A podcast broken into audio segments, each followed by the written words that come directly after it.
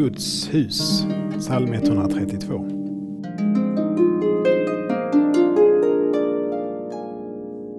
Jag ska inte gå in i mitt hus och inte lägga mig på min bädd. Inte unna mig någon sömn, inte ge mig någon ro, förrän jag funnit en plats åt Herren, en boning åt Jakobs mäktige.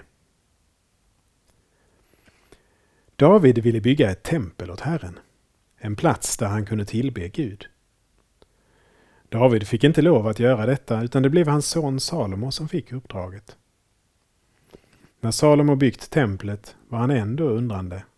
Han bad, men kan verkligen Gud bo på jorden? Himlen, himlarnas himmel rymmer dig inte, än mindre detta hus som jag har byggt. Detta är paradoxen. Gud, som är större än universum, vill ändå bo mitt ibland oss och ha gemenskap med oss. Vi ber. Herre, du som är universums skapare, tack för att du ser till oss och vill ha gemenskap med oss. Amen.